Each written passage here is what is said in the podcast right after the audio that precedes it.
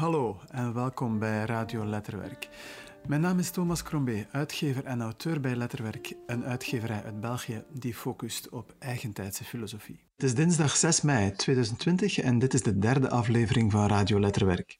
Mijn gast vandaag is Evelien Koesus. Evelien is freelance cultuurjournalist. Ze schrijft over theater en dans voor De Morgen en verschillende andere cultuurmedia, waaronder Etcetera, Ons Erfdeel, Recto Verso en Theatermaker. Evelien, welkom bij Radio Letterwerk. Dankjewel Thomas voor deze fijne uitnodiging. Vandaag spreken we over het boekje Wat de danser van de beer had geleerd. Een kleine filosofie van de dans. Het is een boekje dat wij samen hebben uh, geschreven. Een tweetal jaar terug. En um, ik zou het, het een boekje graag aangrijpen als een aanleiding om het te hebben over het thema van de sierlijkheid in de podiumkunsten.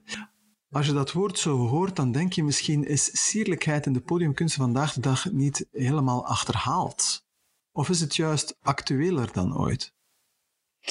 Wel, ik denk uh, beiden eigenlijk. Um, laten we zeggen, in zijn, zijn oorspronkelijke, meer romantische betekenis als, als een esthetisch criterium, zou ik zeggen dat het eerder achterhaald is. Of toch uh, in ons hedendaags podiumkunstenlandschap. Ik kan me maar weinig uh, choreografen voorstellen die er vandaag echt naar streven dat hun dansers vooral sierlijk zouden zijn.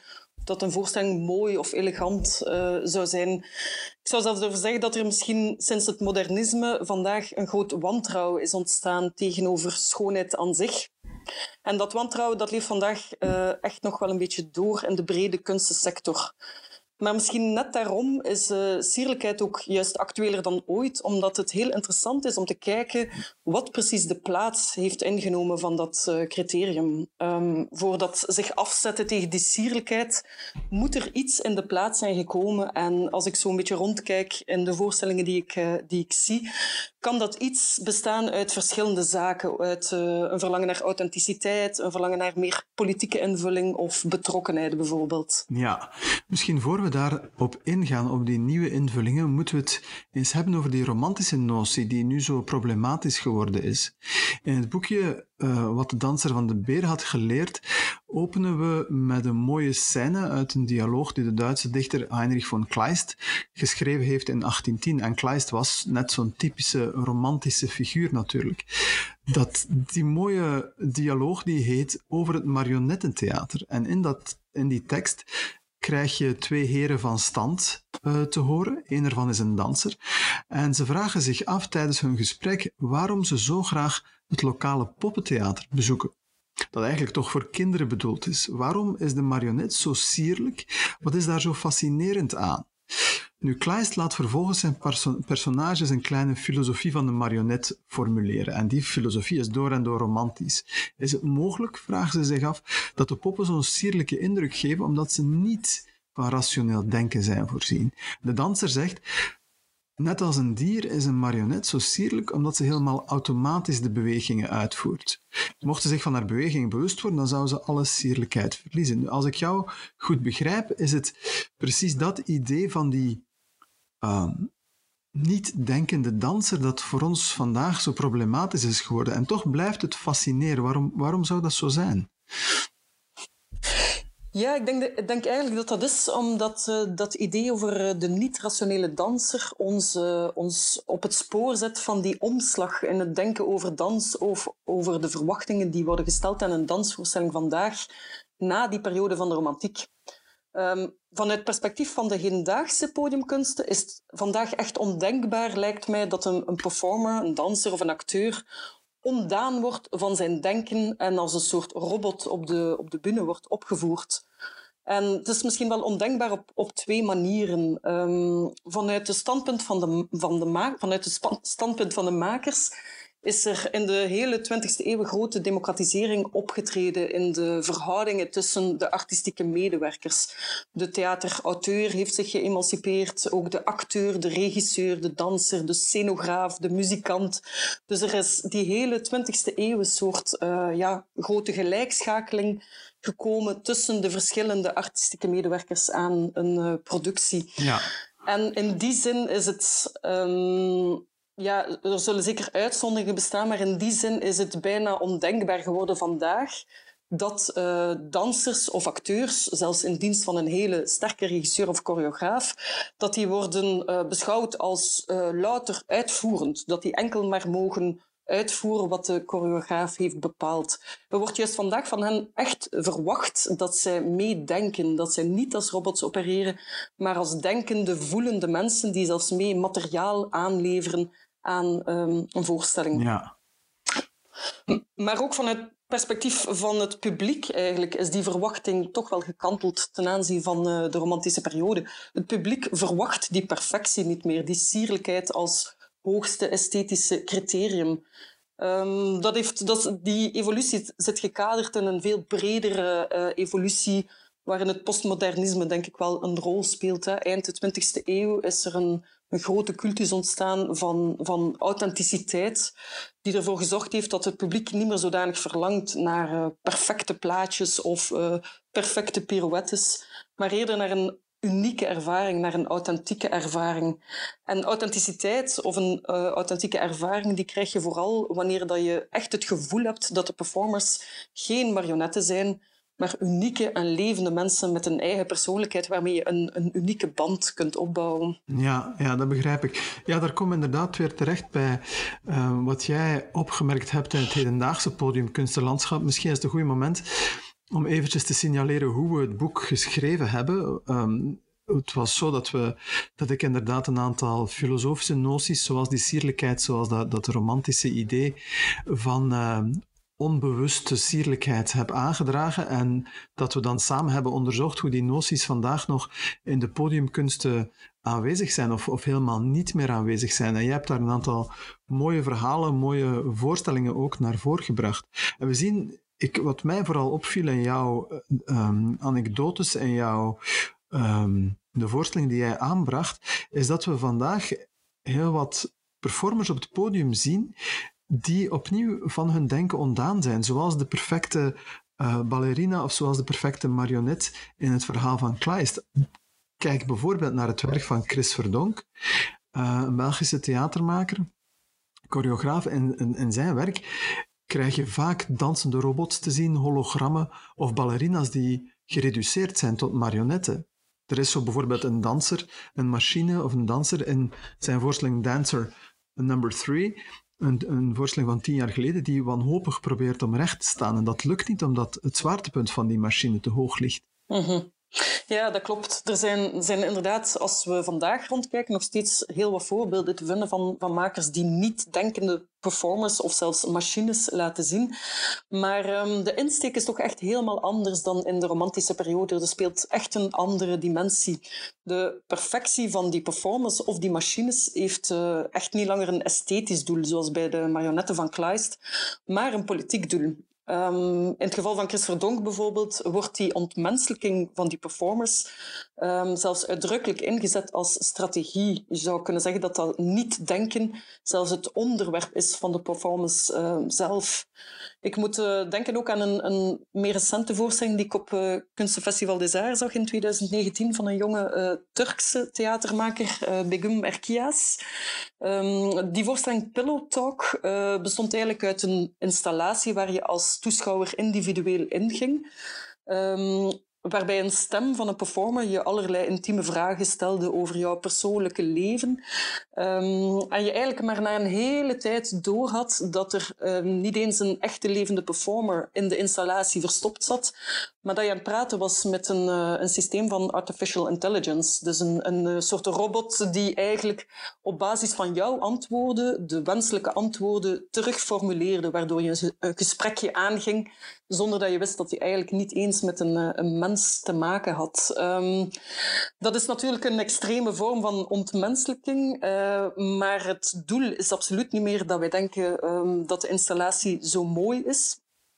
Maar dat je eigenlijk aan het denken wordt gezet over jouw verhouding tot machines. Hoe vaak geven wij geen intieme details van onszelf bloot aan smartphones of aan, uh, aan domotica, uh, zonder dat we daarbij stilstaan. Dus ook bij die, uh, bij die Turkse theatermaker is het, is het echt een, een politieke bewustwording die het einddoel is van de performance en niet langer meer een, een soort schoonheid. Oké, ja. Inderdaad. Ja, dat, dat oude criterium lijkt eigenlijk nog maar in, in heel weinig vormen echt heel sterk aanwezig. En dan, ja, misschien moeten we dan kijken naar het commerciële circus of het heel klassieke ballet, het romantische ballet.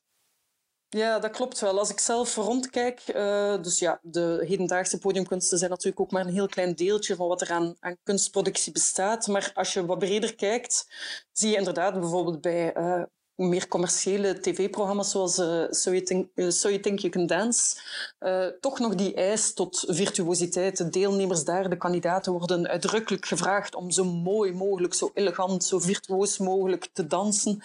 Um, en als ik dan denk aan het kunstencircuit, is er natuurlijk ook, zijn er de grote um, spelers in het, op de vrije markt of in het vrije circuit, zoals Cirque du Soleil bijvoorbeeld. Ja. Dat is toch een, een organisatie die zeer succesvol nog steeds heeft die, eh, is die zeer grote publieken aantrekt. En die betovert die publieken nog steeds met de magie van de virtuositeit. De vliegende acrobaten en de, de wonderlijke uh, strapatsen van, van de circusartiesten. Dus daar zit je wel nog in dat oude register van virtuositeit als uh, hoogste summum van um, um, als hoogst te bereiken resultaat. Ja, precies, inderdaad. En eh, het lijkt inderdaad alsof we in Cirque du Soleil en andere commerciële circussen, dat daar een van de laatste bastions is van die soort notie van virtuositeit en sierlijkheid.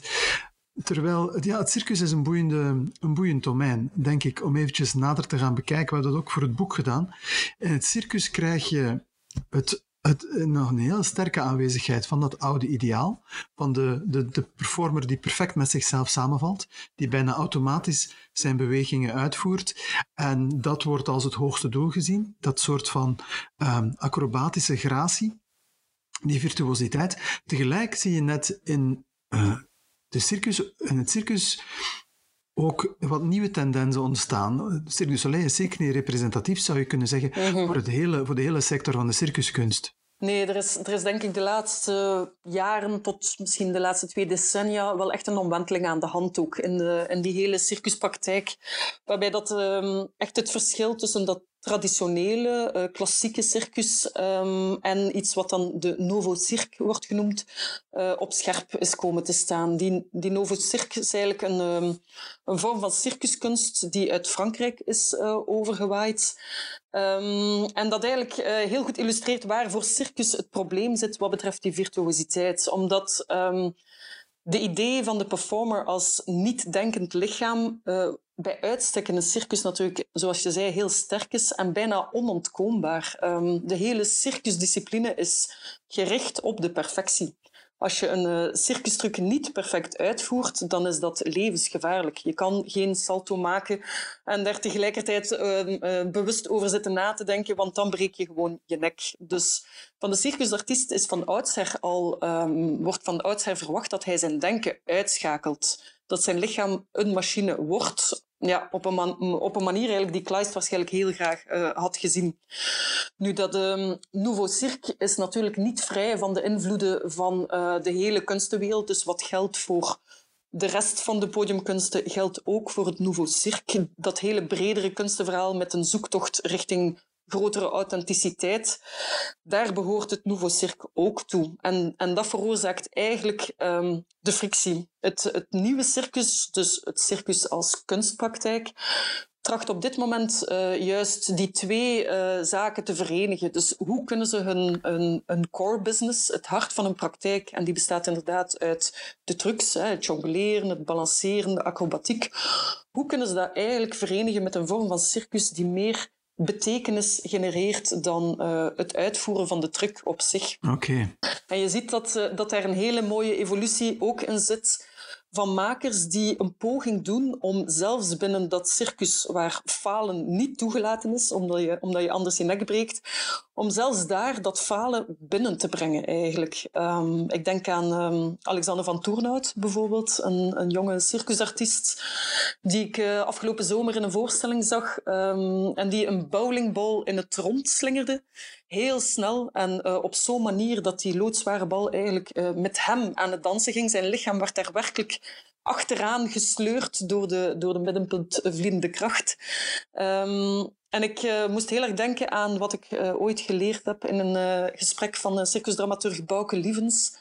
Die vertelde mij ooit dat circus in wezen eigenlijk bestaat uit het gevecht tussen een mens en een object.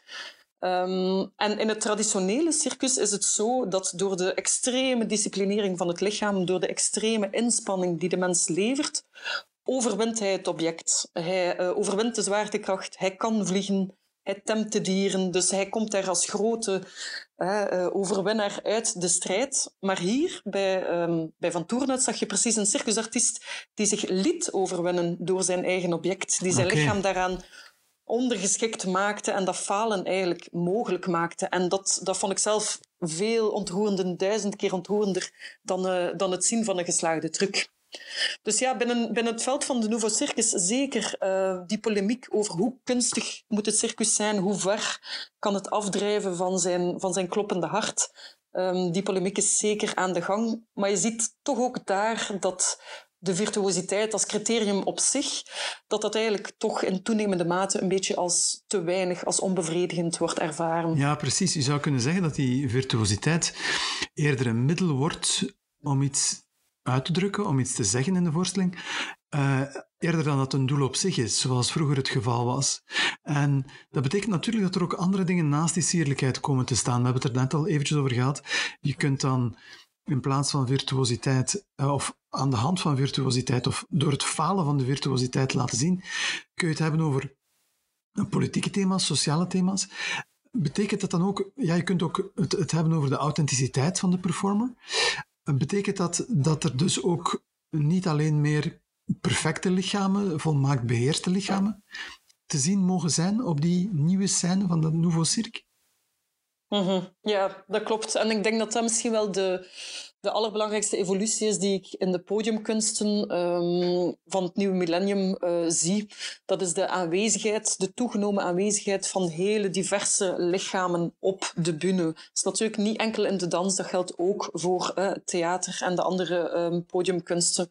Maar ik zie, of ik zag de afgelopen jaren zeer veel dansvoorstellingen met um, niet-professionele dansers. Uh, en dat gaat dan zowel over, laten we zeggen, de amateurs, zogezegd, als Um, kinderen, jongeren, mensen met een beperking, uh, oudere lichamen, die ook bijvoorbeeld in dans normaal gezien uitgerangeerd zijn. Ja. Dus uh, dat, soort, dat soort authentieke lichamen heb ik de laatste jaren heel erg veel gezien. En wat die, uh, wat die allemaal gemeen hebben natuurlijk, is dat de kwaliteit, de expressieve kwaliteit van hun lichamen belangrijker blijkt te zijn voor de choreograaf dan hun training of hun skills. Want uiteraard zijn zij niet in staat om de perfecte pirouette te draaien. Daar zijn zij ook helemaal niet voor opgeleid natuurlijk. Hè. Het gaat er voor de choreografen van vandaag blijkbaar wezenlijk om dat je een mens kan tonen en dat het publiek ook iets ervaart wat dan des mensen is en niet meer des goden, zou je kunnen zeggen.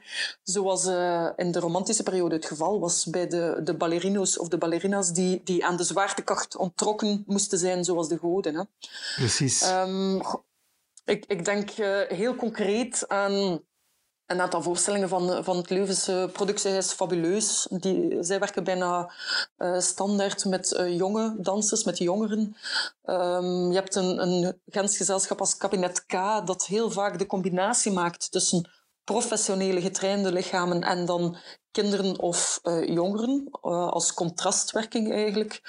Um, of het werk van Platform K, dat is een, een, platform dat ijvert voor inclusieve dans. Dus zij koppelen telkens een, uh, een professionele choreograaf, um, iemand als Jan Martens of Benjamin van de Wallen, koppelen zij aan mensen met een beperking. Mensen met syndroom van Down of met een, met een fysieke beperking.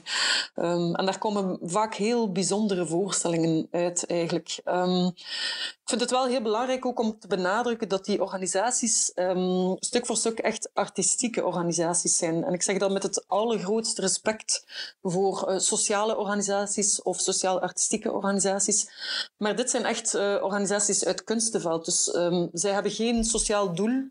Zij kiezen er gewoon voor om in hun artistieke praktijk te werken met lichamen die niet tot de evidente norm behoren. Ja. En zij gebruiken, zij gebruiken echt die lichamen ook om, um, om in hun creaties mee te werken. Dus dat is nog iets heel anders dan de insteek van de, de sociale embedding of het sociaal-artistieke werk. Dit zijn werkelijk ja, kunstenaars die ander materiaal kiezen dan, uh, dan de gewone of de reguliere um, materialen die voorhanden zijn. De perfecte lichamen, okay. met andere woorden. Ja, maar als je het hebt over een verhouding tussen een professionele choreograaf of danser aan de ene kant en een amateurdanser of een kinddanser of een, iemand met een beperking die, die meedanst, ja, dan heb je natuurlijk wel een situatie van um, iemand die toch het artistieke overwicht heeft of de artistieke keuzes maakt en een andere persoon die volgt. Het, het, het, het, taalgebruik legt een beetje voor de hand dat de choreograaf gebruik maakt van het materiaal van die ja, niet perfecte, niet professionele danser. Is er, kun je dan nog wel spreken van een soort democratisering of is dat, um, is dat woord hier misschien een beetje te zwaar voor waar het over gaat? Ja, ik, denk het wel. Ik zou, ik zou altijd voorzichtig uh, willen zijn in het gebruik van dat soort woorden. Democratisering is een, een zwaar beladen en ook een zwaar wegende term. Um, want uh, het klopt wat je zegt natuurlijk, er blijft een soort hiërarchisch onevenwicht bestaan tussen de professioneel en de niet-professioneel. Uh, nu, je, je hebt verschillende aspecten natuurlijk aan, aan die praktijken. Wat, wat wel vaststaat, is dat die gezelschappen en organisaties echt naar een publiek toe bijdragen aan een inclusievere blik op dans en daarmee ook op de samenleving natuurlijk. Je toont aan je publiek dat er op het podium niet alleen plek en plaats voorbehouden aan perfecte uh, normatieve lichamen, maar dat ook uh, alle lichamen, ook de onvolmaakte lichamen, een plaats kunnen innemen op de scène en die plaats ook mogen innemen. Dus dat op zich is zeker een sterke politieke en emancipatorische boodschap. Maar inderdaad, het betekent nog niet per se dat het werkproces uh, democratisch verloopt. Trouwens, tussen haakjes, het werkproces verloopt in vele organisaties niet democratisch nee, natuurlijk. Hè? Dus dat, dat hoeft niet te gaan om professioneel of niet professioneel. Je kan ook hele dominante regisseurs hebben in de reguliere theaterwereld. Dus hè, dat is een keuze.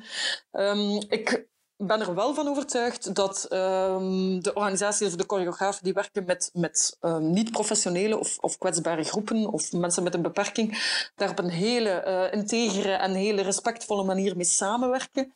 Um, maar het blijft een feit dat het veelal de choreograaf zal zijn die het concept bepaalt, hè, het frame opzet en een selectie maakt van, van de frases en fragmenten. Dus ja, de democratisering is inderdaad een woord, denk ik, dat iets uh, te ver zou gaan om, om dit proces of deze evolutie in de danswereld te omschrijven. En zie jij voorbeelden van makers of voorstellingen die dat wel proberen, die wel een soort van radicale nivellering tussen publiek en performer ambiëren?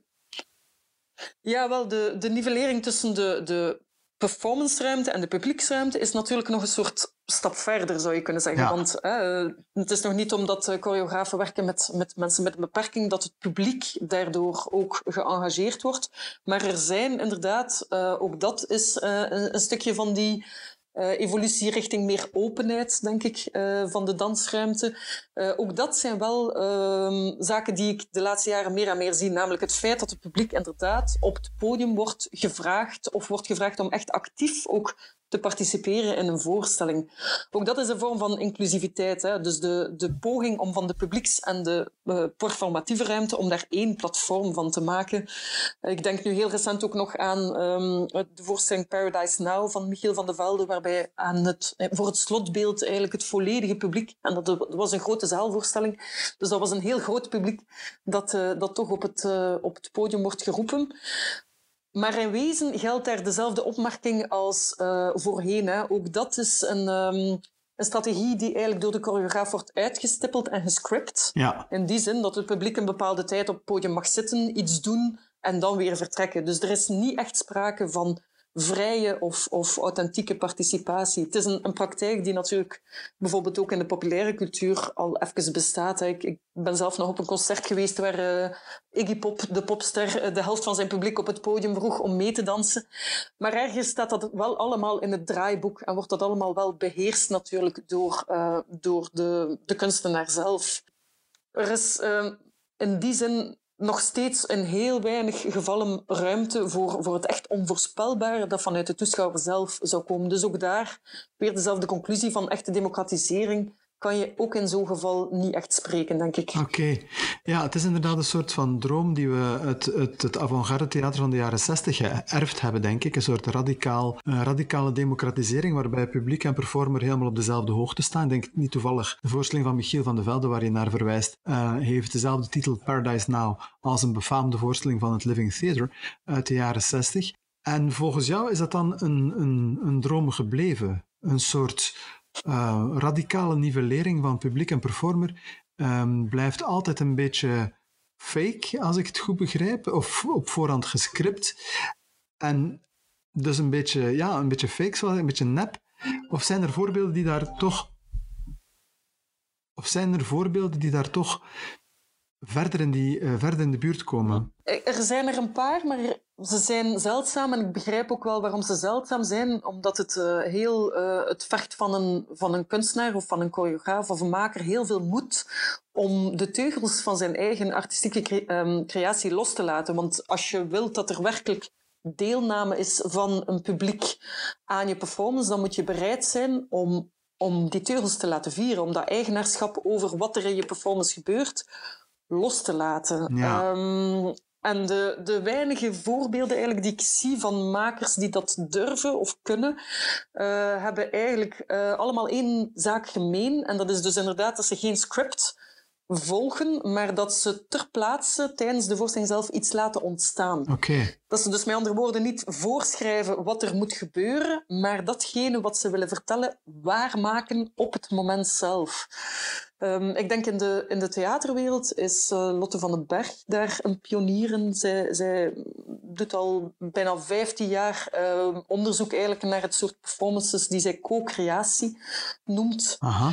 Waarvoor dat zij eigenlijk bijvoorbeeld, um, wat zij eigenlijk doet, is zij voorziet een ruimte, echt letterlijk een ruimte, een fysieke ruimte. Zij voorziet een groep mensen, meestal heel divers, en een soort kader. En dan laat zij de performance los. Dus het gesprek is eigenlijk de performance. En zij kan op voorhand absoluut niet inschatten waar het gesprek toe zal leiden of wat het uh, resultaat van het gesprek zal zijn. Uh, het hangt volledig af van de inbreng van de deelnemers.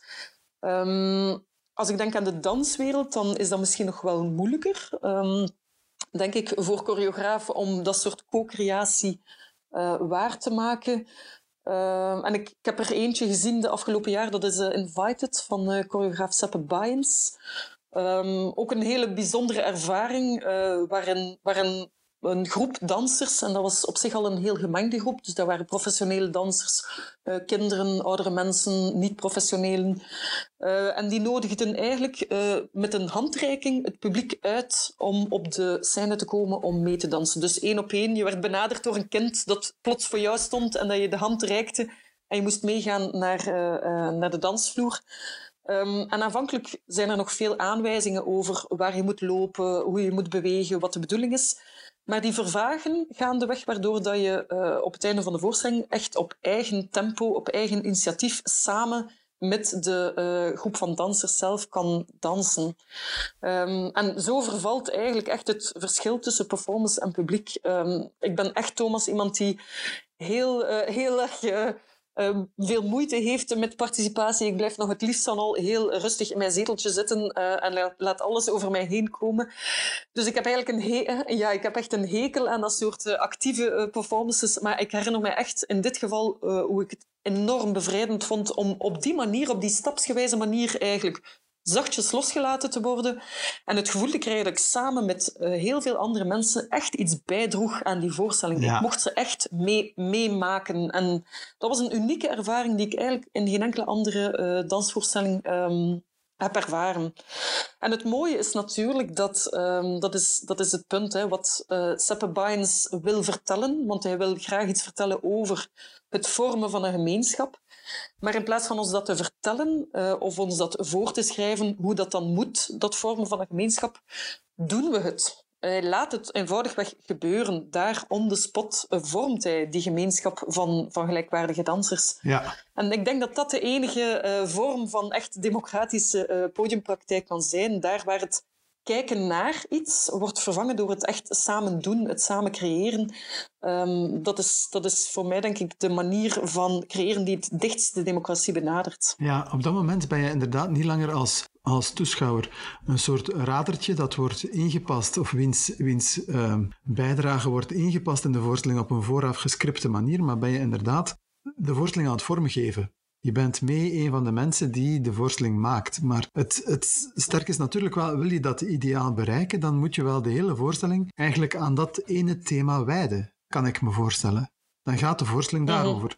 En alleen nog daarover. Ja, dat klopt wel. Dat klopt. Dus um, ik denk dat dat een van de zaken is die, die misschien veel um, choreografen afschrikt of zo. Dat je um, you have to practice what you preach. Hè. Je, moet, je moet inderdaad op dat moment... Uh, het is moeilijk om een gelaagde of genuanceerde boodschap over te brengen, omdat je eigenlijk eenvoudigweg moet doen... Dat ene moet doen wat je voorop stelt te communiceren.